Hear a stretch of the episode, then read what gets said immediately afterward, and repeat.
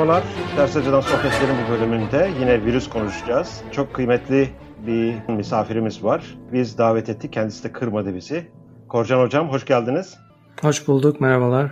Korcan Hocam çok kısa kendinizi bir tanıtır mısınız? Tanıtayım. Ankara doğumluyum. Çocukluğum İstanbul'da geçti. Saint Joseph Fransız Erkek Lisesi, oradan Boğaziçi Üniversitesi Moleküler Biyoloji Genetik Bölümü. Devamında bir aile şirketiyle ilgili olarak Karadeniz'de Kuzey Atlantik somonu yetiştirme projesi, hastalıklara karşı aşılama projesi ve bununla beraber su ürünleri mühendisliği fakültesine devam.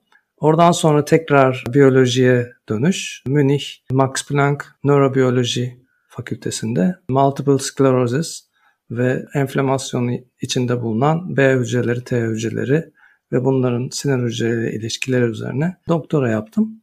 Daha sonra Freiburg Üniversitesi'nde akciğer, koa, e, astım, akciğer kanseri, sistik fibrosis, bütün hepsini içeren şekilde doktora sonrası eğitimimi yaptım. En son olarak da buradan tekrar Basel Üniversitesi'nde yine mükozal immünite, bu sefer bağırsaklar ve buradaki enflamasyon, inflammatory bowel disease, işte bu Crohn disease, ulcerative colitis ve bunun yanında tabii ki bu inflammation induced colitis dediğimiz colorectal cancer yani colitis ve IBD hastalarının uzun dönem sonra sürekli azalan artan enflamasyon sonucunda kanser oluşması. Şu an bununla üzerine çalışıyorum ağırlıklı olarak.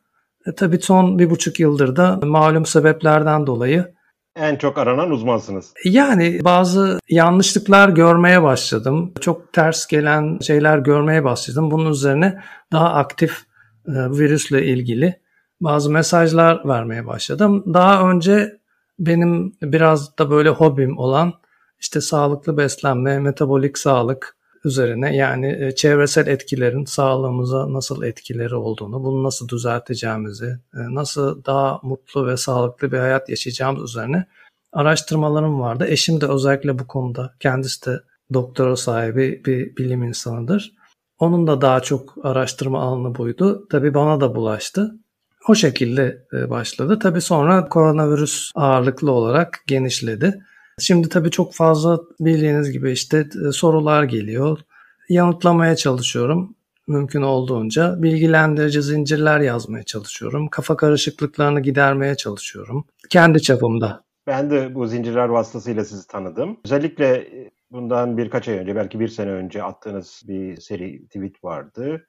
Özellikle güneş ve güneşin, güneş ışığının yeryüzüne gelişiyle virüsün buna responsu arasında bir ilişki kurduğunuz bir tweet zinciriydi. Şu anda tam tarihini bilmiyorum. Siz belki daha iyi hatırlıyorsunuzdur.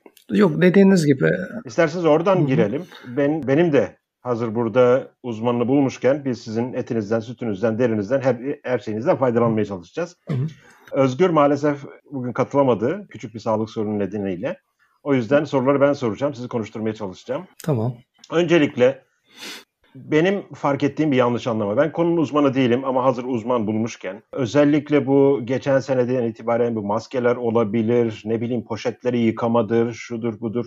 İnsanlarda bir bakteriyle virüs arasındaki farkı bilmeme sorunu gördüm. Siz, siz görüyor musunuz bunu veya bu neye bağlıyorsunuz bu tarz sorunu? Yani ben çoğu insanın bunu çok net bir şekilde bilmediğini düşünüyorum.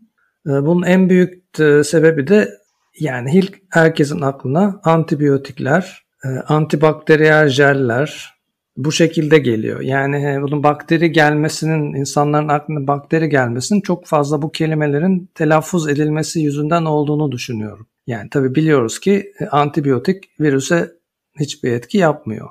Antibiyotiğin faydası ne? İşte virüsün oluşturduğu enflamatuar ortamda bulunabilen fırsatçı bakterilerin çoğalıp ikinci bir enfeksiyona sebep olmasına engellemek. Yani şimdi bugün işte e, potansiyel COVID hastalarına antibiyotik verilmesinin en büyük sebebi bu. Peki Yoksa bunun virüse karşı bir etkisi yok. Şimdi hocam virüsü şöyle bir genel anlamda bize tanıtın hiç bilmeyenden. Virüs kendi kendine yaşayan bir organizma değil.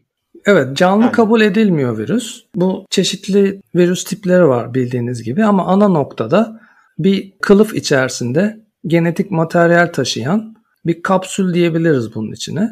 Bu şekilde olduğu zaman kendi kendine çoğalamıyor. Bu şekilde kalıyor ve bunun e, canlı olarak kalabilmesi için özel şartlar gerekiyor. Yani işte belirli bir nem, belirli bir sıcaklık eğer insan vücudunda veya işte enfekte edebileceği hayvana yakın bir ortamda değilse e, kısa sürede degrade oluyorlar. Ya kuruyorlar, parçalanıyorlar. Özel şartlarda korunmadıkları durumlarda dediğim gibi konak dışında e, yaşam kapasiteleri çok çok sınırlı. Bunun üzerine işte çeşitli sıcaklık, güneş bindiği zaman bu daha da düşüyor ultraviyole ışını. Bir konak olduğu zaman eğer enfekte edebileceği bir konaksa bu ne demek? Virüsün üzerindeki yapıların bu canlının hücrenin üzerindeki bir yapıya tutunabilmesi ve virüsün hücre içine girebilmesi. Eğer bu özelliğe sahipse bu virüs hücrenin içine giriyor. Daha sonra içindeki genetik materyali kullanarak ve bizim de bazı moleküler mekanizmalarımızı kullanarak kendini çoğaltmaya başlıyor. Bu genelde sonsuz bir çoğaltma şekline geliyor. Yani o enfekte olan hücre bir virüs fabrikası haline geliyor. İçeride işçi güç bırakıyor. Bütün Hocam mekanizmalar bilgisayar virüsünü tarif ediyorsunuz gibime geldi. Bilgisayar virüsüne zaten virüs... Onlar da aynı şekilde çalışıyor. Virüs isminin verilmesinin sebebi bu sebepten. Yani tabii ki e, bizim virüsleri bilgisayardan daha önce keşfetmiş olduğumuz için e, daha sonra bu prensibe göre çalışan e, programcıklara da tabii virüs adını veriyor. Burada dediğimiz gibi canlı olmayan bir mekanizma bizim hücrelerimize giriyor ve kendini çoğaltmaya başlıyor. Amaç daha da çoğalmak, daha da yayılmak ve varlığını devam ettirmek. Bir parazit gibi de düşünebiliriz Şimdi bunu. hocam burada enfekte ve enfeksiyon meselesine girmişken bu virüslerin dağılması, yayılması, bir enfeksiyon diyoruz. Kaç kişiyi enfekte edeceği ve bu, bunların ölümcül olması arasında ne tarz bir ilişki var? Yani normalde en bilinen en basit ilişki virüs eğer konak üzerinde çok ciddi bir tahribat yaparsa konak ölür ve eğer etrafta başka e, konak bulamazsa o virüs o bedenle beraber orada hapsolur kalır ve yayılamaz. Yani çok ciddi, çok tehlikeli virüslerde çok e, büyük ölüm olur. Ama bu tabi e, fark edileceği için biraz mesafe, biraz tedbir bunu orada bırakır. Daha etkisi daha az olan Dolayısıyla yayılımı durur. Yani e, çok süratli olmaz. E, yayılımın olabilmesi için yani konak e, hayvan veya insanda çok fazla ciddi bir etki yapmadan, çok fazla bağışıklık sistemini uyandırmadan belli bir süre sayısını arttırması ve bundan sonra bulaşması durumu söz konusu. Yani bunu bakteriden en büyük farkı bu. Şimdi bakteri bir akciğer mukozasına geldiği zaman hiç bizim içim bizim hücrelerimize girmeden bizim bağışıklık sistemimizi uyandırmadan bu mukozanın içinde eğer uygun bir şart bulursa burada çoğalabilir ve nefesle, öksürükle, konuşmayla dışarı çıkıp başkalarına yayılabilir. Ateşi de olmaz, öksürüğü de olmaz, hiçbir şeyi olmaz insanın. Ta ki o e, bariyeri geçip vücuda girene kadar. Şimdi biyolojik olarak akciğerler, bağırsağın içi vücut sınırı dışıdır. Yani buradaki bir can, e, virüs veya bakteri bizim vücudumuza henüz girmemiştir. Vücudumuza Hocam, girmedikçe de bir enflamasyon başlatması söz konusu değildir. Şimdi buradan koronavirüsüne ben yol almak istiyorum. Çünkü Tabii. gerek enfeksiyon üzerinden, nasıl bulaştığı üzerinden, gerekse bu virüsün öldürücülüğü üzerinden biz bilgi bombardımanına tutulduk. Bilgi mi diyeceğim, enformasyon, enformasyon mu diyeceğim, propaganda mı diyeceğim bilmiyorum. Benzerini HIV'de de görmüştük. O zaman da belki siz daha iyi bilirsiniz bunun tarihini. İşte çocuklar vasıtasıyla bulaştırılabiliyor korkusu vardı 80'lerde. E, Yok sivrisinekler tarafından HIV'nin bulaştırılması gibi böyle senaryolar üzerinden insanlar korkutuldu. Evet. Benzer bir durum bu koronavirüste var mı veya bunun öldürücülüğünü biz nasıl tespit ediyoruz veya bugün geldiğimiz, bir buçuk sene geldiğimiz noktada Bununla ilgili net bir şey söyleyebiliyor muyuz? Yani aslında e, ilk daha elimize yani bilimsel yayın olarak ilk çıkan Çin verisi çıktı. Ondan sonra İtalya verisi çıktı.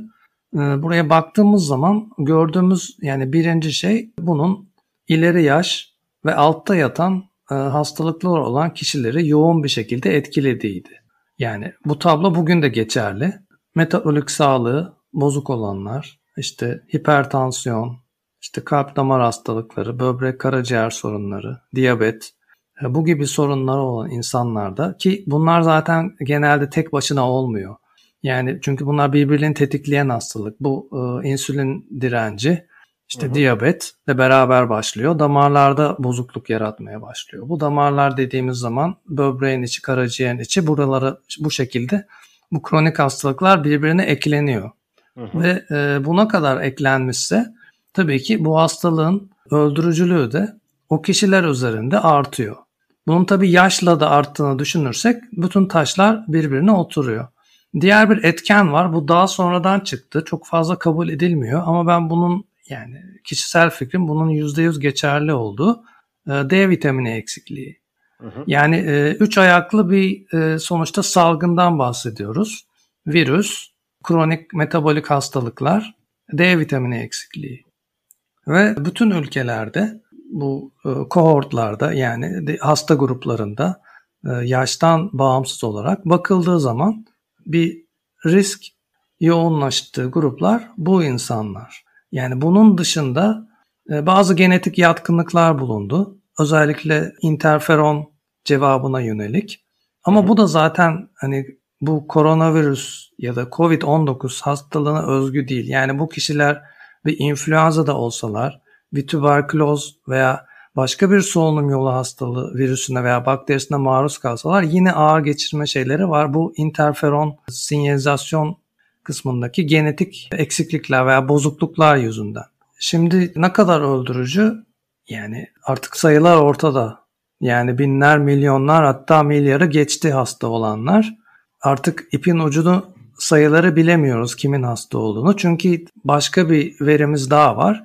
Yaklaşık bu virüsün bulaştığı diyelim kişilerin hemen hemen yarısı bu hastalığı zaten geçirmiyorlar. Yani hasta olmuyorlar. Yani bu virüs dediğim gibi yani geliyor epitel dokudan hani vücudun içine giremiyor.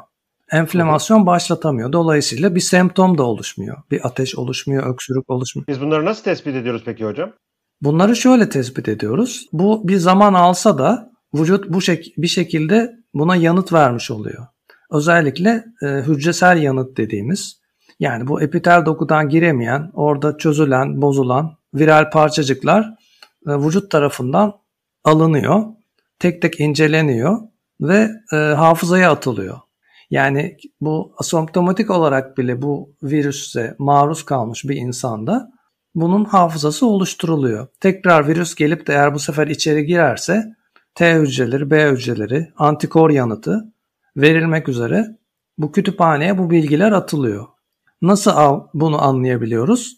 Çok kolay değil. Laboratuvarlarda analiz etmek gerekiyor. Özellikle T hücrelerini, B hücrelerini alıp viral partiküllerle hücre kültüründe bir araya koymak ve bunların verdiği yanıta bakmak lazım. Daha önce hiç ama hiç koronavirüsle karşılaşmamışsa o zaman bu hücreler hiçbir yanıt vermiyor buna.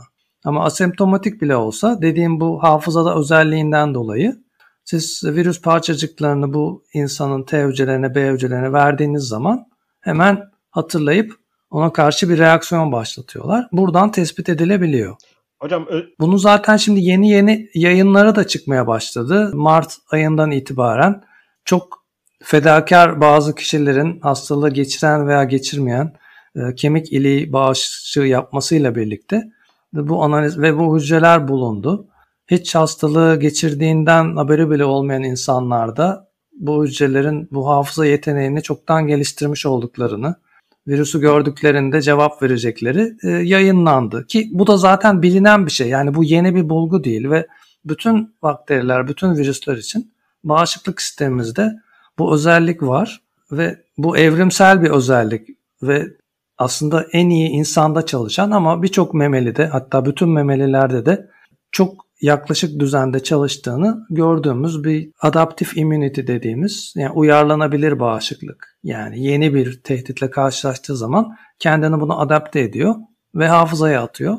Bir daha karşılaşırsam hızlı bir yanıt verebileyim diye. Hocam burada nispeten eğer yanılıyorsam beni düzeltin nispeten yeni bir yöntem var. PS, PCR test dediğimiz. Tam olarak ne olduğunu ben bilmiyorum. Konunun uzmanı değilim. Hı. Hatta burada işte cycle sayıları söyleniyor ve buradaki işte ben istatistik eğitimi aldığım için, istatistik konusunu bildiğim için ilk PCR testi söz konusu olduğunda bunun false pozitif oranı nedir dedi. Bir epidemiyolojistle konuşuyordum. Bilmiyorum dedi. Bu PCR testi biraz içeriden anlatır mısınız bize? Nedir? Tabii anlatayım. PCR testi yani bu çok aslında güvenilir bir teknoloji. Ee, çok iyi çalışan bir teknoloji. Bu şuna dayanıyor. Elimizde bir genetik materyal var. Bu RNA olabilir, DNA olabilir. Buna bir zincir gibi düşünelim bunu. Bunun yapısını bilmiyoruz. Hepsini bilmiyoruz. Ama bilen bilinen kısımlarına uyacak iki tane adaptör molekül yapıyoruz. Bunlara primer deniyor. Ee, ve e, polimeraz enzimiyle birlikte bunu belli bir reaksiyona geçirdiğimiz zaman bu primer dediğimiz moleküller büyük zincirin bir noktasına özel belirlenmiş bir noktasına bağlanıyor ve genelde 20 20 baz nükleotit baz uzunluğunda oluyor. Ve bunun rastgele başka bir yere bağlanma ihtimali 2 üzeri 20 gibi çok korkunç bir sayı oluşuyor. Yani iyi dizayn edin, iyi tasarlanmış bir ürün gider yerine bağlanır. Başka bir yere de bağlanmaz. Bunun hemen yanına belki bir 100-150 baz uzağına diğer primer tasarlanıyor. Reaksiyonu çalıştırdığımız zaman bir cycle dediğimiz yani polimerazın e, bu küçük primeri ucuna bağlanıp zincir boyunca aynı zincirin yapısını taklit ederek aynı zincirden bir tane daha oluşturması. Yani elimizdeki genetik materyali ikiye katlamış oluyoruz. Bir döngüde yani bir cycle'da. Bundan sonra 95 dereceye çıkarıyoruz. Sıcaklıkla birlikte bu ikili band, e, ikili DNA zinciri ayrılıyor ve tek hale geniş geliyor. Buradan sonra tekrar soğutuyoruz. Tekrar soğutunca bu sefer küçük parçalar büyük zincire tekrar bağlanıyor. Bu sefer iki tane. Bir cycle daha yapıyoruz. Bu yaklaşık 15-20 saniye sürer. Bu sefer iki tane olan DNA zincirimiz dört taneye çıkıyor. Yani ikinin katları olarak bu artıyor. Yani exponential. 40 evet 40 döngü bir PCR yaptığınızda 2 üzeri 40 ya elinizde 1 ile başladığınızı düşünürseniz bir tane DNA zinciriyle başladığımızı düşünürseniz 40 e, döngü sonunda 2 üzeri 40 adet DNA zinciriniz oluyor. Şimdi bunun tespit edilmesi için günümüzde çift sarmal DNA'ya bağlanan floresan maddeler kullanılıyor. Cyber Green bunların en, en bilinenidir. İki zincirli bir DNA'nız olduğu zaman gayet güzel yeşil yeşil bu parlıyor. Gerekli e, yukarıdan ışıklı buna baktığımız zaman. Tabii ki bir bu threshold dediğimiz yani bu sinyalin e, yakalanabilme değeri var. Bunun belli bir süre devam etmesi gerekiyor. Yani 3 cycle'da, 5 cycle'da, 10 cycle'da bu e, sinyal yeteri kadar olmuyor. Normalde bizim laboratuvarda kullandığımız zaman da en fazla baktığımız hedef proteinler, yapı, e, hedef genler, bunlar yapısal proteinleri kodlayan genler oluyor işte tübilin, işte aktin, hücre iskeletini oluşturan yani hücre bölünüyor da olsa, aktive de olsa, fonksiyonu değiştiriyor da olsa fazla artıp azalmayan genler seçilir bunun için. Dediğim gibi 15-16'da bu sinyal verilir. Ama eğer sinyal 35'te 40'ta geliyorsa bu demektir ki benim deneyimde bu hücrede bu gen yok. Çünkü 2 üzeri 35, 2 üzeri 40 ben oraya bir hücre koymamışım ki belki 100 tane, 1000 tane koydum, 10 bin tane koydum. Yani 35'ten sonraki sinyal benim için yok hükmündedir. Peki geçen sene yanılmıyorsam 38 falandı bu cycle threshold yaptıklarında. 40, genelde 40 yap. Yani bütün ülkeler genelde bunu 40'a bağladılar. Bir, bir ee, bilimsel olarak bir neden görüyor musunuz orada? Bu genelde şöyle, e, bilimsel olarak nedeni şu de, yani değişik değişik ben makinalarla ve bu makinalarda yürüyen e, yazılımlarla çalıştım. Bu standarttır. Yani PCR'ı koyarsınız, bağlarsınız, çalıştırırsınız reaksiyonunuzu. 40 döngü yapar. Ondan sonra siz bu her döngü sonunda okunmuş e, bu yeşil floresan değeri takip edersiniz bir grafikte. Bu böyle bir yukarı gelir ve ondan sonra düzelmeye başlar. Artık o kadar çoktur ki sinyal zaten 25'te 30'da maksimuma ulaşmıştır. Daha sonraki yaptığınız döngü size bir fayda sağlamaz.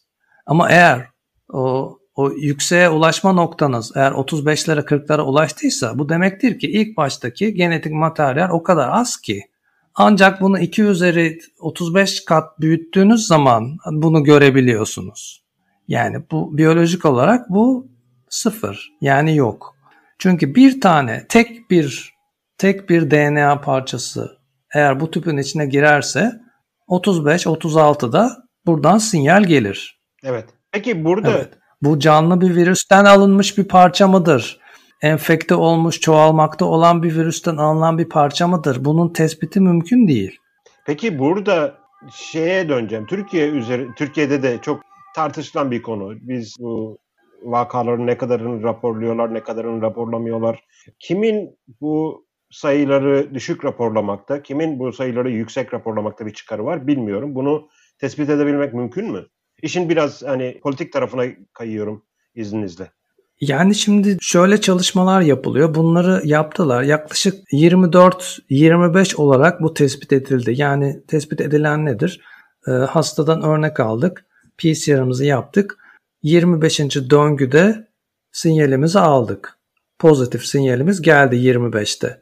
Bu e, örneği bir hücre kültürüne koyup insan hücresi üzerinde bakıyoruz. Enfekte edebiliyor mu? Yani o kadar içinde virüs var mı bunun? Ve bunu buldular ki eğer bu 25 üzerinden daha geç eğer 28'de 30'da geliyorsa hücre kültüründe bu hücreler enfekte edemedi virüs. Yani o kadar enfekte etmek çünkü bir virüs bir hücreye geldi pat enfekte edecek diye bir şey yok. O kadar böyle etkili çalışan sistemler değil bunlar. Yani belli bir virüs sayısı olması gerekiyor. Bunlar hücreye girmeye çalışıyorlar. Hepsi birden giremiyor. Yani e, onun için e, bunun deneylerini yaptılar ve ortalama 24-25'in üzerinden daha sonrasında gelen döngülerdeki pozitifliklerin hücreyi enfekte etme yetisine sahip olmayacak miktarda virüs içerdiğini gösterdiler. Yani bu 6 ay falan oldu bu, bunlar ortaya çıktı. Yani daha önceden biliniyordu biz söylüyorduk. Yani e, birçok kişi söylüyordu bilim adamı. Yani PCR'ı bilen moleküler biyologlar bunu söylüyordu. Evet. Yani bu hastalık teşhisi etmez. Bu genetik materyal var mı, yok mu, ne kadar var? Yani bunu gösterir. Yani dediğim daha önce ilk başta da bahsettim. İnsan vücudu biyolojik olarak insan vücudunun dışından siz bir örnek alıyorsunuz. içinden PCR yapıyorsunuz. Yükseltiyorsunuz, yükseltiyorsunuz, döngüleri yaptınız, yaptınız.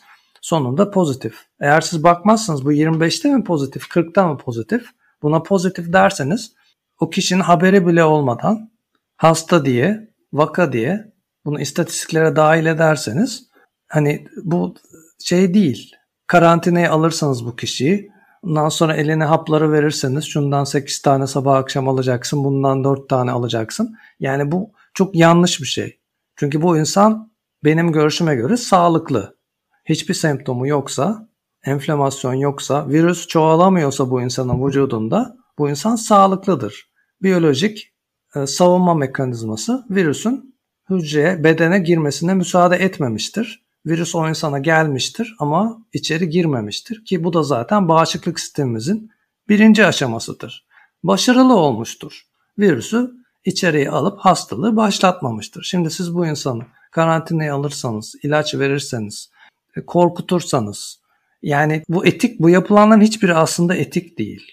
Yani sorun burada. Bilimsel etik gerek siyasi ahlaka Hiç, gerek yani tıbbi tıbbi tıbbi evet hiçbir etiğe sığmıyor bu. Ee, bu yani bir bir şekilde bir psikolojik aslında e, baskı insanların üstünde. Yani e, hasta demek bu insanlara veya vaka deyip yine hastaymış gibi davranmak, e, insanların birbirinden çekinmesi, işte birbirinden uzakta durmaya çalışması. Şimdi bunun bir derecesi var. Ama bunun sınırları iyi çizilemedi maalesef. Çok fazla insanlar korkutuldu olmayan şeylerle. Siz de bahsettiniz bu poşetlerin yıkanması yüzeyden geçiyor. Camda 3 gün duruyor. işte plastikte 4 gün duruyor. Alüminyumdan bulaşıyor. Yani bunlar çok fazla söylendi. Ama bugün geldiğimiz noktada biliyoruz ki evet ihtimali 0.0000 bir şey. Yani o kadar az ki buna endişe etmeye, buna önlemeye, bunu dezenfektanları litrelerce yüzeylere sürmeye, havaya sıkmaya harcadığımız şey bize daha çok zarar veriyor. Bunları soluyoruz. Belki cildimize geliyor. Bütün bu kimyasallar. Kendi floramıza zarar veriyoruz.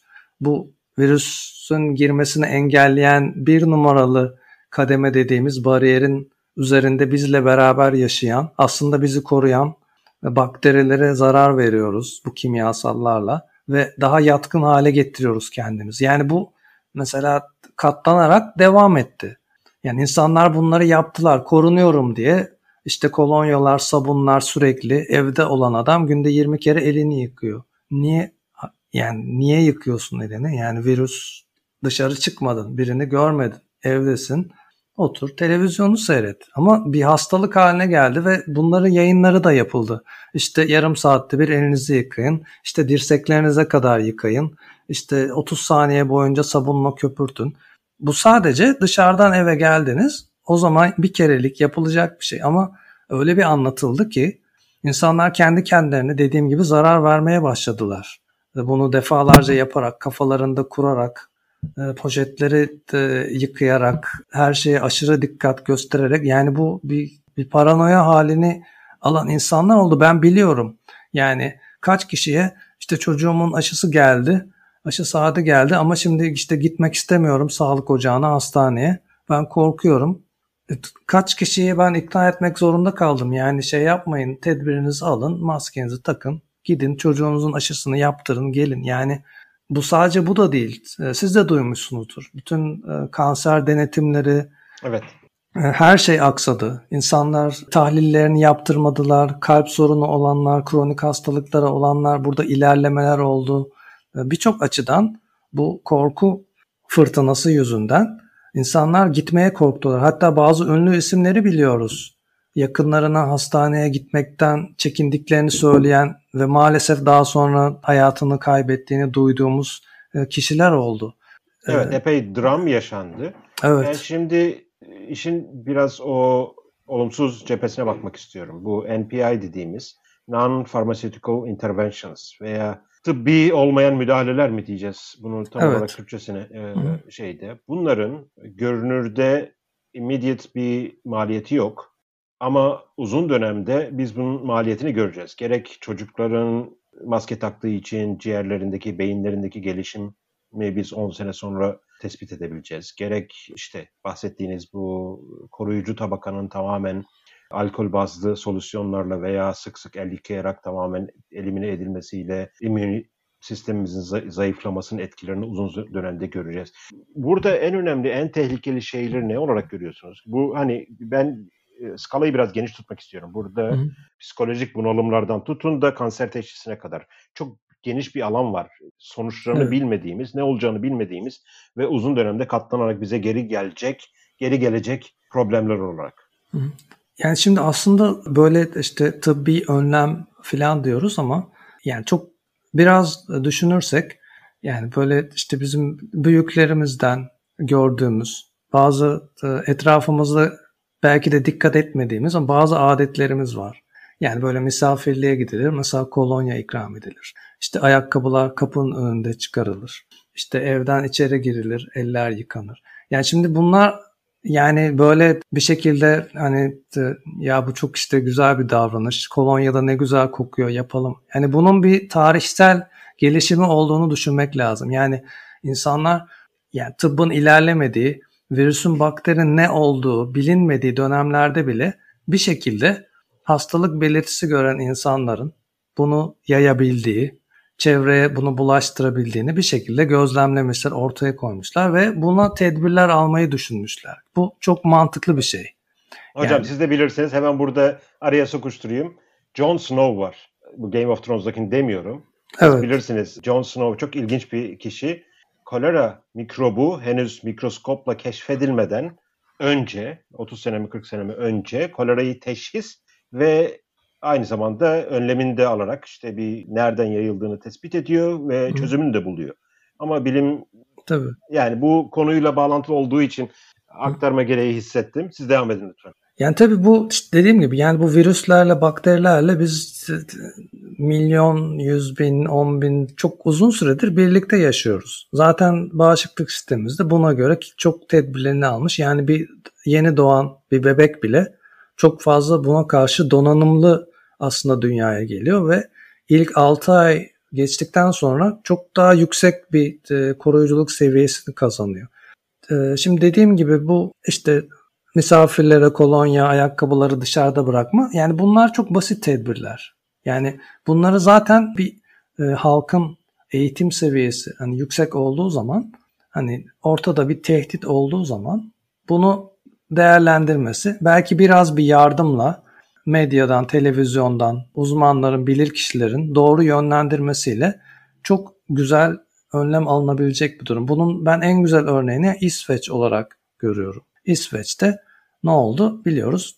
Çok böyle ciddi büyük tedbirler almadılar. Okulları kapamadılar, dükkanları kapamadılar, restoranlar, publar yani çoğu yer açık. 50 kişinin üzerindeki organizasyonları yasakladılar. Ki esas social distancing'in tarihinde de Nerfi Philadelphia'da mıydı?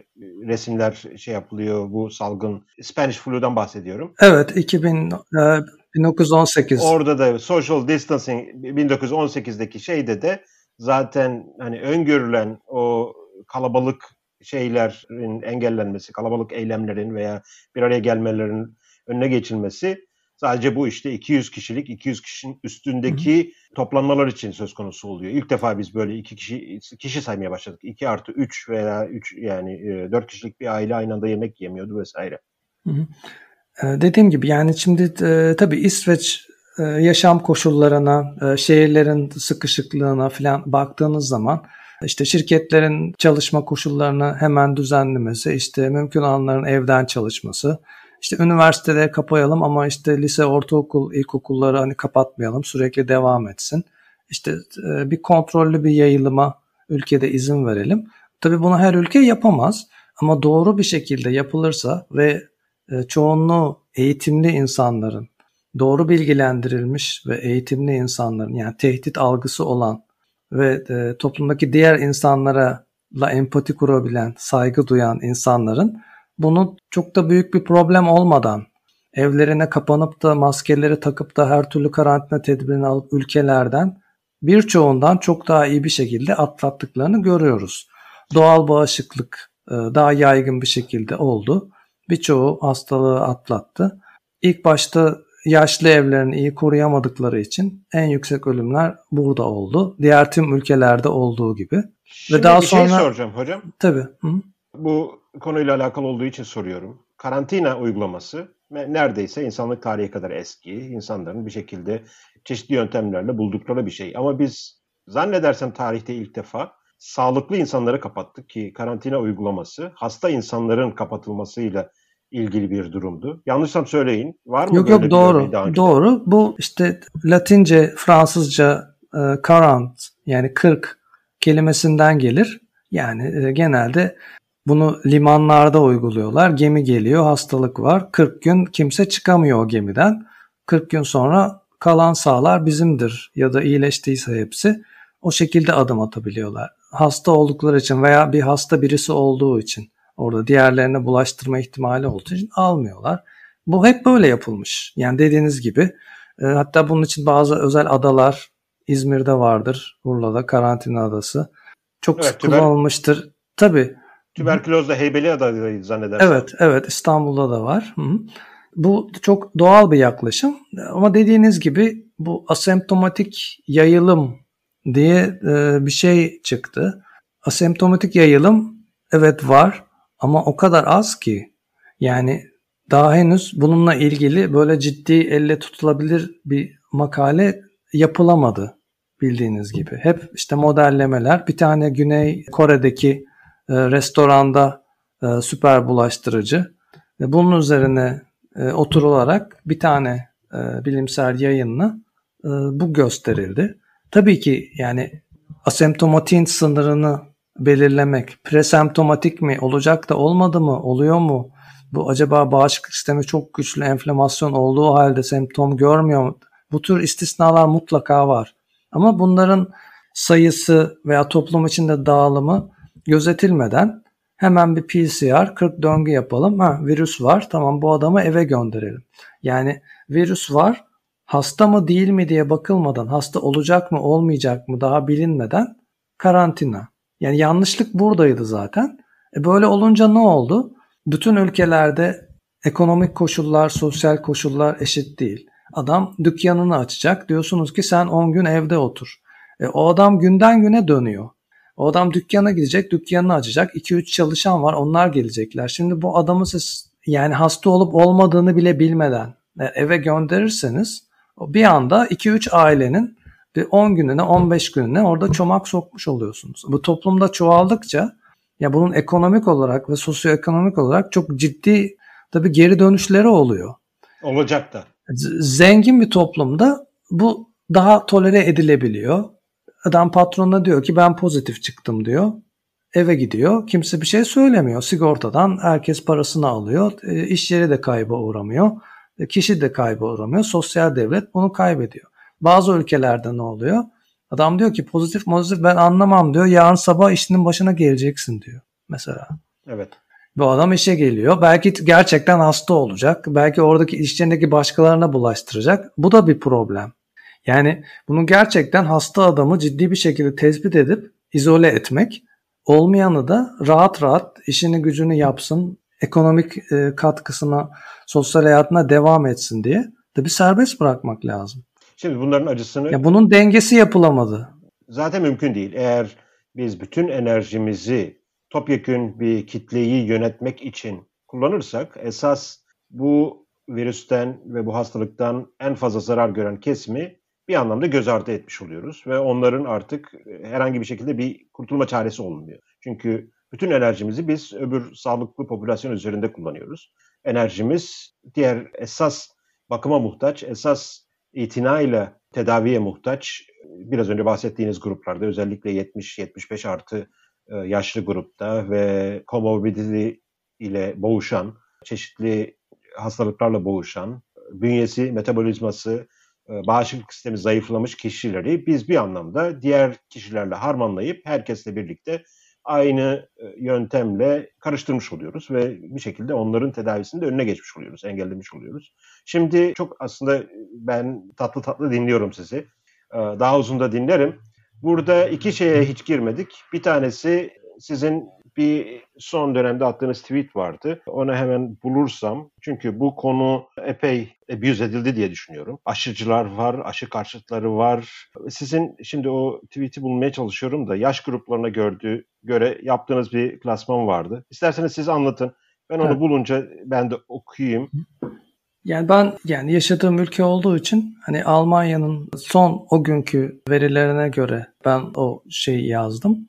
Orada grafiklerde görüldüğü üzere zaten hani bu sırf Almanya için değil aslında bütün ülkeler için böyle. İlk daha bu virüsün vurduğu ne olduğunu tam anlamadığımız olayların olduğu Wuhan kentindeki vakaların, ölümlerin e, dağılımı da bu şekilde. İşte kadınları erkekler kadar etkilemediği, düşük yaş gruplarının bundan çok az etkilendiğini gösterir bir şekilde bir grafik. Yani bu durumda da bu hastalığın kimler için yüksek risk teşkil ettiğini bu grafiklere bakarak çok kolay anlayabiliyoruz.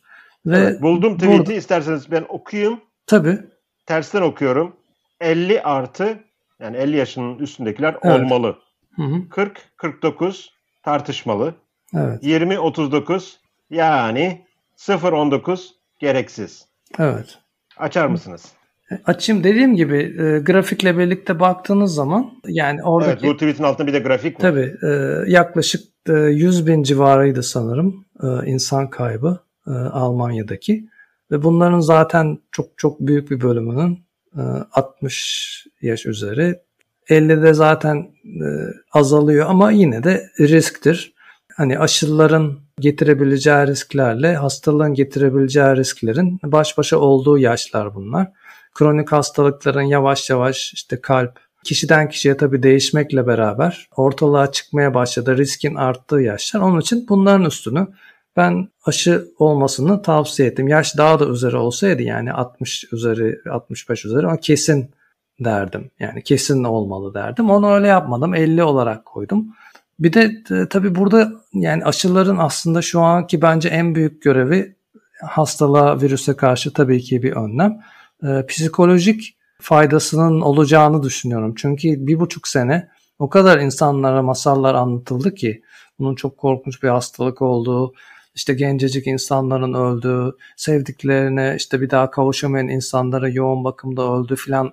Ee, eğer böyle bir cimnastik yapıp e, hatırlarsanız bunlar çok yapıldı ve bu işte halkın kurallara daha çok uyması için bir amaç olarak kullanıldı. Yani biz korkutalım herkesi ki herkes evine kapansın, dikkat etsin, maske taksın, çıkmasın, bu virüs yayılmasın. Yani hani amaç buydu. Yani amaç da aslında hani kötü değil ama tabii bunun e, psikolojik etkilerini ve uzun vadeli etkilerini fazla hesaba katmadılar. Şimdi insanlar korktu.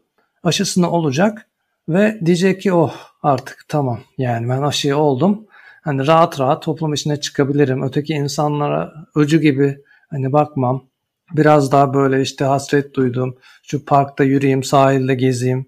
İşte restorana, kafeye, bara gideyim.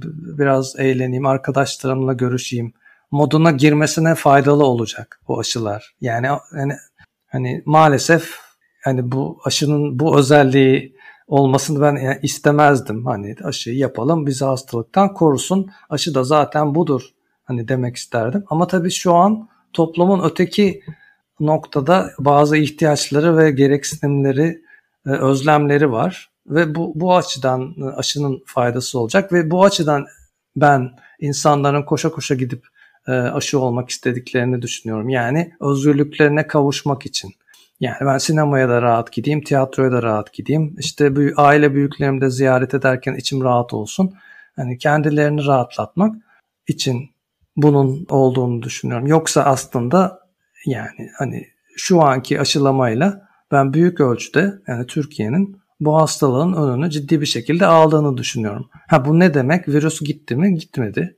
Ee, Yine hastalığa... Bir sıçrama görecek miyiz bu arada Ekim-Kasım? Evet göreceğiz. Yani şöyle söyleyeyim aynı şekilde PCR yapılmaya devam ederse e, bunu göreceğiz. Çünkü siz bütün e, herkesi bile aşılasanız, bütün Türkiye nüfusu, yani bütün dünya nüfusunun hepsini bile aşılasanız mutlaka bu virüs yatkınlığı olan birilerini e, havaların soğumaya başladığı, güneşin kaybolduğu, daha toplu alanlarda daha sık durduğumuz, birbirimize daha kapalı alanlarda bulunduğumuz ortamlara geldiğimiz zaman yatkın kişiler bulacak ve hastalık buradan bu yatkın kişiler üzerinden devam edecek. Yani bu hep böyle oluyor. Yani bu, bu sene olan ya da bu virüse özel bir şey değil. Bu yani 100 yıldır eğer ne açılıp bakılırsa bu kuzey yarı güney yarı bunların periyotları, hangi aylarda çıktığı, hangi aylarda düştüğü. Zaten dolaşımda olan 200 civarı solunum yolu virüsü var. Bunların kimi zaman birbirini baskıladığı, kimi zaman birbiriyle yarıştığı, birinin kaybolup iki sene sonra tekrar çıktığı değişik işte koronavirüsler, influenza virüsleri, RSV'ler yani hani bu yeni bir şey değil. Hocam çok özel bir virüs değil dediniz. Bu da benim kafamdaki son konuya geçiş yapmamı sağlayacak bir şey. Fark et, e, tahmin etmişsinizdir hangi konuya gireceğimi. Evet. Gain of function research ne demek? Gain of function şimdi bu tabi basic research dediğimiz yani basit bilim. Yani işte bu moleküller, proteinler ne yapar, ne işe yarar? E, bu virüsün yapısı nasıl? Biz bunun şurasına şunu eklersek bu nasıl değişir? Bundan nasıl şekilde etkilenir? Yani aslında bir şeyler öğrenmek için diğer canlıların yapısını, moleküler mekanizmaların çalışma biçimlerini e, laboratuvar ortamında gözlemlemek için bütün canlılarda böyle ufak değişiklikler yapılır. Bu daha büyük boyutlarda da yapılabilir. Mesela bu segmentli hayvanlar dediğimiz işte böcek, işte karınca, işte karıncanın bacak segmentini alırsınız. E, kafasının bir sonrakinin segmentin yerine koyarsınız. Ee, ve oradan anten yerine mesela bacak çıkar. Yani dersiniz ki ha bu segment demek ki önceden programlı. Bu nerede olursa olsun bundan bacak çıkacak. Bu basit bir örnek. Bunun aynısını virüslerde üzerinde de yapıyorlar. Bunun en büyük yapılış amacı kendi kendine bulaşan, yayılan aşı üretme çalışması. Yani siz bir virüs dizayn ediyorsunuz. Doğada olan bir virüsü alarak bazı yerlerini oynuyorsunuz. Bunu mesela insana bulaşabilecek veya ne bileyim işte kuduza karşı çalışıyorsunuz. İşte e, büyükbaş hayvanlara bulaşabilecek bir virüsü alıyorsunuz. İçine mesela işte kuduz virüsünün bir parçasını koyuyorsunuz. Vücudun daha buna karşı daha fazla e, yanıt vermesini tetikleyecek bir iki tane böyle bakteriyel protein koyuyorsunuz. İşte koronavirüs örneğindeki stafilokok süper antijen. Yani bizim bütün neredeyse dünya nüfusundaki insanların T hücrelerinin ciddi bir şekilde tanıyıp yanıt verdiği, öldürmek için bir hedef olarak belirlemiş olduğu bir bakteri proteininin ufak bir parçası. Şimdi koronavirüsün içinde var. Doğadaki başka hiçbir... Nasıl girmiş hocaya buraya? E, dediğim gibi bu laboratuvarda bunun üzerinde çalışıyorlar. Dediğim gibi muhtemelen bu benim tahminim. Bu kendi kendine yayılabilen aşı. Yani siz şimdi virüs yaptınız, içine bunu koydunuz, bıraktınız. Virüs yayılıyor. Sizden bana, benden çalışma arkadaşlarıma, oradan barda, restoranda herkese gidiyor. Ciddi bir hastalık yapmıyor bu. Ama içine koymuş olduğunuz parça mesela işte hepimiz kuduz aşılanıyoruz mesela. Ya da ne bileyim kızamık aşılanıyoruz. Farkımızda bile olmuyoruz belki. Kimisi tabii daha buna fazla reaksiyon veriyor duruma göre. Her insanın bağışıklık yanıtı aynı değil. İşte grip gibi bir şey geçiriyor ama aynı zamanda kızamık aşısı olmuş oluyor. Şimdi bunu yapmaya çalışıyorlar ki yani kontrollü ve doğru bir şekilde yapılırsa aslında güzel bir şey. Enjektörler, işte sıralar, hastaneye git, aşılanma, aşı defteri yani o tip şeyleri kalkmış oluyor ve hani otomatik bir şekilde hani buna karşı bağışıklık kazanmış oluyoruz. Yani teorik olarak bakarsanız hani e, çok kötü bir şey değil. Ha isteyip istememek var. Orası tabii ayrı bir konu. Bu etik mi değil mi? Bunlar ayrı konular ama Şimdi... amaç dediğim gibi bunu yapmak. Bunu yaparken tabii bu virüsü elinizden kaçırırsanız bir şekilde böyle bir şey oluyor. Ben böyle olduğunu Şimdi, düşünüyorum. Zannedersem Amerika'da bunun yasaklanma, gain of function research'un yasaklanma veya etik bulunmama sebeplerinden bir tanesi de o. Yani siz çok güzel anlattınız. Bu kötü emellere sahip birilerinin elinde bioweapon, biyolojik silah mı diyoruz? Tabii. Olarak da kullanılabilir. Çünkü tabii, tabii. burada gain of function research'ın amacı virüsün bulaşılabilirliği, bulaşıcılığını arttırmak. Evet. Yanılıyorsam düzeltin. Yani bulaşıcı, ee, enfekte etme kabiliyeti çok fazla değil. Yani böyle ciddi e, çoğalıp da şey olacak değil. Tabii zayıflatılmış ama bulaşma potansiyeli şey yapılmamış. Yani yok edilmemiş. Çünkü amaç bulaşması. Bu antijeni Evet. Artık işte dediğim gibi sarılık olur, kızamık olur, kaba kulak olur. O antijeni toplum içerisinde yaymak. Bununla ilgili ilk başta daha koronavirüsünün ilk günlerinde birkaç hikaye veya conspiracy teori tadında bir şeyler dolaştı ve turuncu kafalı kötü adam bunu söyleyince bir anda üstü kapatıldı. Bir sene sonra biz artık bununla ilgili daha fazla makale, haber okumaya başladık. Hı. Vanity Fair'da çok hafif almayın. Vanity Fair belki magazin, dergiciliği vesaire falan diye görebilir dinleyiciler. Böyle çok detaylı bir makale e, yayınlandı. Wall Street Journal'da birkaç tane daha makale yayınlandı. Bahsettiğim konu Lab Leak Theory. Hı hı. Yani laboratuvardan sızma. Evet. Yani burada illa kötü anlamda bunu kasten sızdırdılar değil, hı hı. kazara da sızdırabilir. Burada benim aklımda birkaç soru vardı geçen seneden beri. Birincisi bütün yarasaların neredeyse kış uykusunda olduğu bir dönemde yarasadan insanlara bulaşmış bir virüs hikayesi yapıldı. Hı hı. Ocağın ortasında. Ee, ki daha sonradan gerek İtalya'daki Sever analizlerinden gerek başka yerlerde bu virüsün aslında 2019 Eylül Ekim'ine kadar aktif olduğu veya o zamanlarda bilindiği e, ortaya çıktı. İkincisi de bu gain of function research yapan laboratuvarlardan bir tanesi ne hikmetse tesadüf olarak bu virüsün çıktığı şehirdeydi. Evet. Veya bu virüs veya bu yarasa bu işin laboratuvarda yapıldığı yerden bu işi insanlara geçirdi. Dolayısıyla şimdi çok olası bir kaynak olarak insan eliyle yapılmış bir virüsle mi karşı karşıyayız diye ben size sorayım. Yani doğadan alınmış ve değiştirilmiş bir virüsle karşı karşıyayız olduğumuzu düşünüyorum. Bu bunlar tabii ihtimal hesaplarıyla evet, şu söylenen henüz, şeyler. Evet. Henüz kesinleşmiş bir açıklama yok. Evet, kesinleşmiş bir açıklama yok. Kesinleşmiş olan bazı şeyler var. Bu SARS-CoV-2 e, bugüne kadar e, bilim adamlarınca e, toplanmış yarasalardan kültüre adapte edilmiş farklı yarasa hücrelerinin hiçbirine bulaşamıyor. Yani bu ne demek? Hani bu bir yarasadan gelmiş bir virüs olsaydı yarasa hücrelerini enfekte edebilirdi. Değil mi? Yani hani yarasaya eğer bu bulaşamıyorsa e, nasıl çoğalıp da insanlara atladı yarasadan? Bu mümkün değil. Dolayısıyla yarasaya giremeyen bir virüs bir yarasa virüsü olamaz. Zaten hani bunun yarasa virüsü olmadığının en e, önemli ispatlarından bir tanesi bu. Diğer bir e, nokta var. Bütün karşılaştırıldığı virüslerle arasında çok büyük bir yapı farkı var.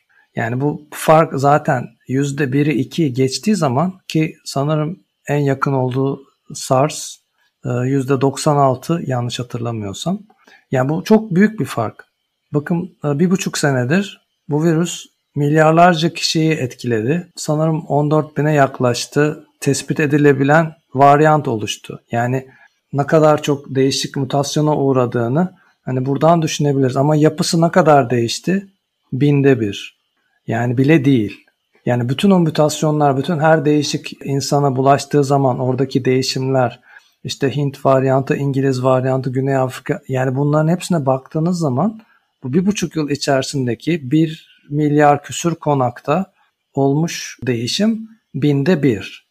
Yani ki bu doğal olsaydı ne kadar değişim bekleyebilirdik? Dediğim gibi yüzde dörtlük bir değişim doğal yolla oluşacak bir değişim değil ve biz bunun ara basamaklarını mutlaka bulurduk. Ara basamak yok. Yani buna şimdi %1, %99 benzeyen, %98 benzeyen, işte yarasada, pangolinde, işte farede bir şey hani bulabilmiş değiliz. Dolayısıyla bunu doğal diyebilmemiz için bu ara basamakları bulmamız lazım. Ha, belki var ama bulamadık. Onun için ihtimal olarak ben değerlendiriyorum.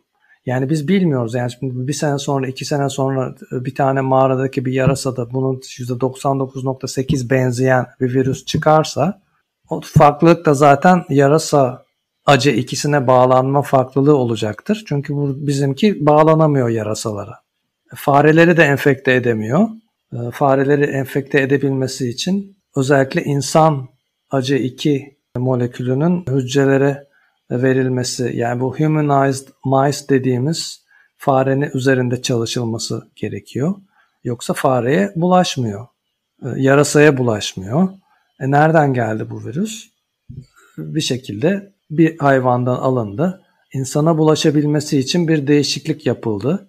Ondan sonra Bu değişikliğin izlerini görebiliyor muyuz virüs üzerinde? Şimdi normalde yani hani, hani ben laboratuvarda bir organizma üzerinde bir değişiklik yaparken kendi işimi kolaylaştırmak için değişiklik yaptığım şeye bazı işaretler, bazı yerler bırakırım. Onu yeşil parlamasını sağlayacak bir protein koyarım ki etkilediğim, değiştirdiğim hücreyle değiştiremediğim hücreyi ayırt edebileyim. Ama eğer istersem onu öyle bir yaparım ki kimse anlamaz. Bu yapılabilir. Yani bu hani çok zor bir şey değil ve bu belki 10-15 yıllık teknolojiyle yapılabilir. Yani siz bir iz bırakırsanız genelde bu iz tercih edilir. Ben bunu daha kolay kesip yapıştırayım. Araya bir şey eklemem kolay olsun diye böyle izler araya özel bölgeler bırakılır. Bu restriction enzyme dediğimiz orayı kesersiniz. İşte ligation araya yeni bir parça eklersiniz. Pat yapışır. Ama ben hiç iz bırakmayayım. Buraya bir şey koyayım araya ama benim bu koyduğum anlaşılmasın derseniz bunun da çok rahat yapılabilir bu. Yani bu problem değil bunu yapmak. Şimdi e, sonradan bunun kontrol edilmesi veya araya ben tekrar bir şey ekleyeyim dediğiniz zaman onun yapılmasını bu zorlaştırır. Parmak işsiz bir şekilde biz yaparsanız bunu ama yapılır. Ama tabii burada ne Şimdi... araya koyduğunuz e, ek parça eğer başka hiçbir koronavirüs de yoksa ve o ek parça işte stafilokok bakterisinin süper antijeni ise yani ben derim ki bunu labda koymuşlar. Yani Evet benzer bir teori benim bahsettiğim Wall Street Journal makalesinde de vardı. Orada double CGG diye geçiyordu. Linkini ekleyeceğim. Hı hı. Hatta orijinal versiyonu da ekleyebilirim podcast notları içine. Orada da doğada asla bulunmayan bir zincirden bahsediyor ve bu zincirin COVID, e, COV-SARS-2 de bulunduğundan bahsediyor ve bu da evet. bir laboratuvar ürünü olduğuna ilişkin bilimsel bir kanıt olabilir diye hı hı. E, söylüyordu makale. Şimdi bu kesinleşmiş bir şey değil. Tekrar tekrar söylüyorum. E, siz de söylediniz. Dolayısıyla bunu sadece bir teori, hatta teoride değil hipotez olarak almakta fayda var. Evet. Belki o kadar geni, hızlı yayılıyor ki şimdi bu hikaye üzerinde bu işin hani Lancet'in yayınladığı şeyin perde arkasında geçen e, olaylar var, çıkar grupları var, var, var, var. Dolayısıyla belki onu daha geniş bir şekilde ileride olay biraz daha netleştikten sonra tartışmak daha anlamlı. Çünkü şu anda çok yeteri kadar elimizde ne sizin ne benim confidence alanımıza giren bir e, açıklama yok. Siz belki daha Tabii. fazla söyleyebiliyorsunuz virüslerin yapısına bakarak. Ama ileride bu hikaye biraz daha olgunlaştıktan sonra ben sizden söz alayım. Tekrar bu özellikle bu laboratuvar hipotezini tekrar tartışmak için. Yani ortaya zaten Sizin... çıkar. Bir şeylerden mutlaka çıkar. Çıkacaktır mutlaka. Çıktıktan sonra tekrar bir araya gelelim ve tekrar konuşalım. Sizden söz alayım Tabii şimdiden. şey aslında çok önemli. Yani bunun e, yapan laboratuvarın ortaya çıkıp bilim insanlarının veya işte bunu finanse edenlerin evet bu virüsü biz bu bu şekilde şu tarihte burada yaptık demeden bunun laboratuvarda yapılmış olma yüzde yüz yani hipotezimizi kanıtlamamız mümkün değil. Öyle söyleyeyim. Yani ben buna yüzde 99.999 emin olurum.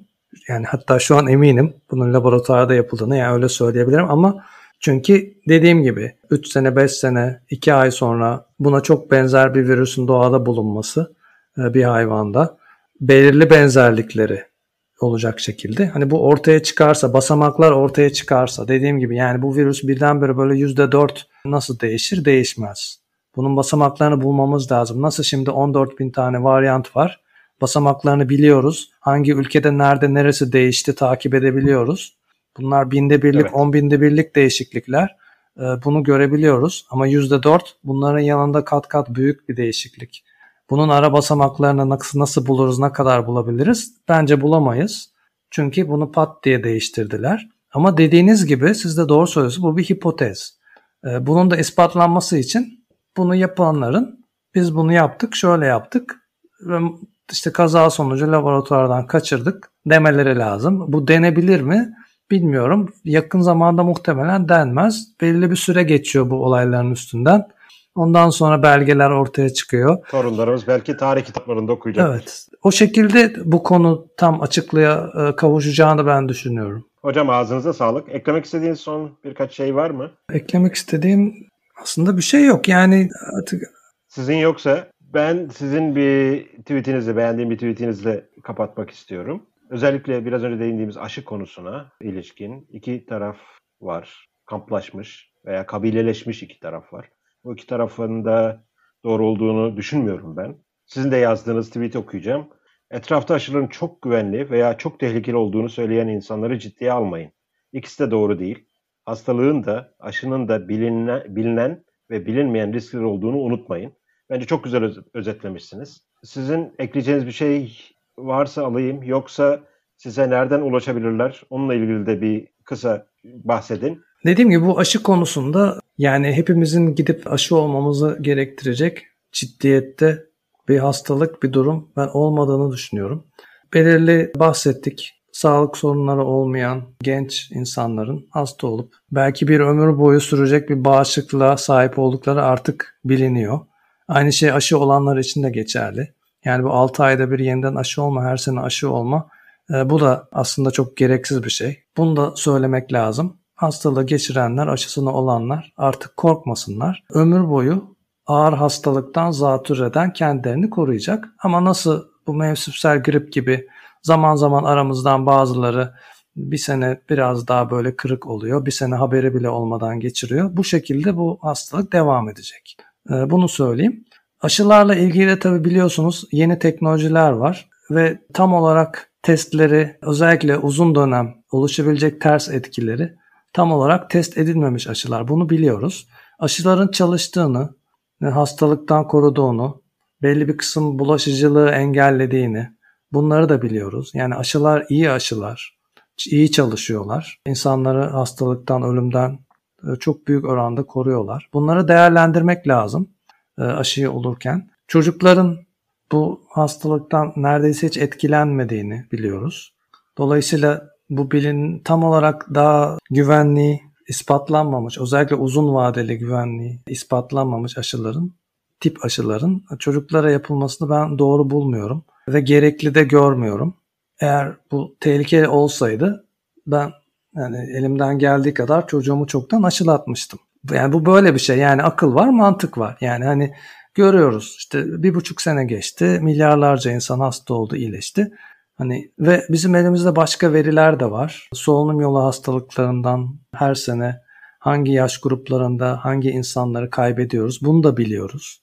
Yani benim söylemek istediğim herkesin bir şekilde mümkün olduğu kadar sağlıklı, akıllı düşünüp bu kararı vermesi. İşte yok bu aşılar kısırlığa yol açıyor. İşte bu aşılar işte kalp krizi yapıyor. Çip takıyorlar yani, hocam. E, evet çip 5G yani onlara girmiyorum. E, onlar yani onlar iyice e, uzak geliyor bana. Yani bunlara takılmamak lazım. Yani kendisini herkesin düşünmesi lazım. Büyük aile bireyleri her gün görüşüyorum ve her günü toplu taşıma kullanıyorum. Ben aşılı da olsa aile büyüklerim ben buraya bir şey taşıma riskini almayayım. Gideyim aşımı olayım. Hani mesela bu yaklaşım hani güzeldir. Evet. Yani hani böyle düşünmek lazım. Yani herkes olsun işte yüzde seksen olmadıkça bu virüsün işte sonunu getiremeyeceğiz falan. Hani bunlar doğru değil. Bu virüsün sonunu getiremeyeceğiz. Herkes hasta olsun. Dedi biraz önce de söyledim. Herkes hasta olsun. Yine Kasım Aralık geldiği zaman kronik hastalığı olan, aşıya karşı çok fazla bağışıklık sistemi, güzel yanıt verip savunma sistemini eğitememiş kişiler mutlaka olacak. Bu her aşıda olur. En süper aşıda da olur. Hep olur grip aşısına her sene herkes oluyor. Görüyoruz. Yani hani etkisi belli. Olmuyor. Olmamasının sebebi insanların metabolik sağlıklarının olmaması, yaşam koşulları, stres, bir sürü bunu etkileyen şeyler var. Yani hani bu aşıyı yaptık bu herkes de böyle süper çalışacak. Maalesef. Maalesef değil. Dolayısıyla bu virüs başka virüs devam edecek. Artık dünyaya yayıldı bu virüs. Bunu sıfırlamak diye bir şey söz konusu değil. Ve dediğim gibi hasta olanlar, aşı olanlar en azından ağır bir hastalık, bunu yatak döşek geçirme riskinden kendilerini şu an muaf tutmuş oluyorlar. Çok teşekkürler hocam. Davetimizi kırmadınız. Bir de şey vardı, e, ulaşmayı bana ulaşmayı sorunuz. En kolay ben evet. hani e, Twitter'a bakıyorum. Her gün yarım saat gidiş, yarım saat geliş, sabah akşam bir e, tren yolculuğum var. Daha çok oralarda aktif oluyorum. Arada çok fazla işimden dolayı e, imkanım olmuyor.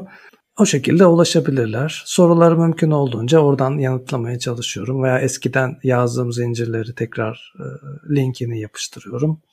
Ben herkese tavsiye ediyorum sizin yazdığınız zincirleri okumasını. Sizin Twitter handle'ınızı, Türkçe'de ne diyorlar? Kullanıcı adı mı diyorlar? Twitter handle'ınızı zaten Hı. podcast notlarının altına iliştireceğim. Çok teşekkürler hocam. Bize zaman ayırdınız. Rica ederim. Ben çok zevk aldım. Dediğim gibi güzel oldu. bu konu üzerinde gelişmeler oldukça sizi tekrar davet edeceğiz. Umarım kırmazsınız. Çok teşekkürler tekrar. Görüşmek üzere. Görüşmek üzere.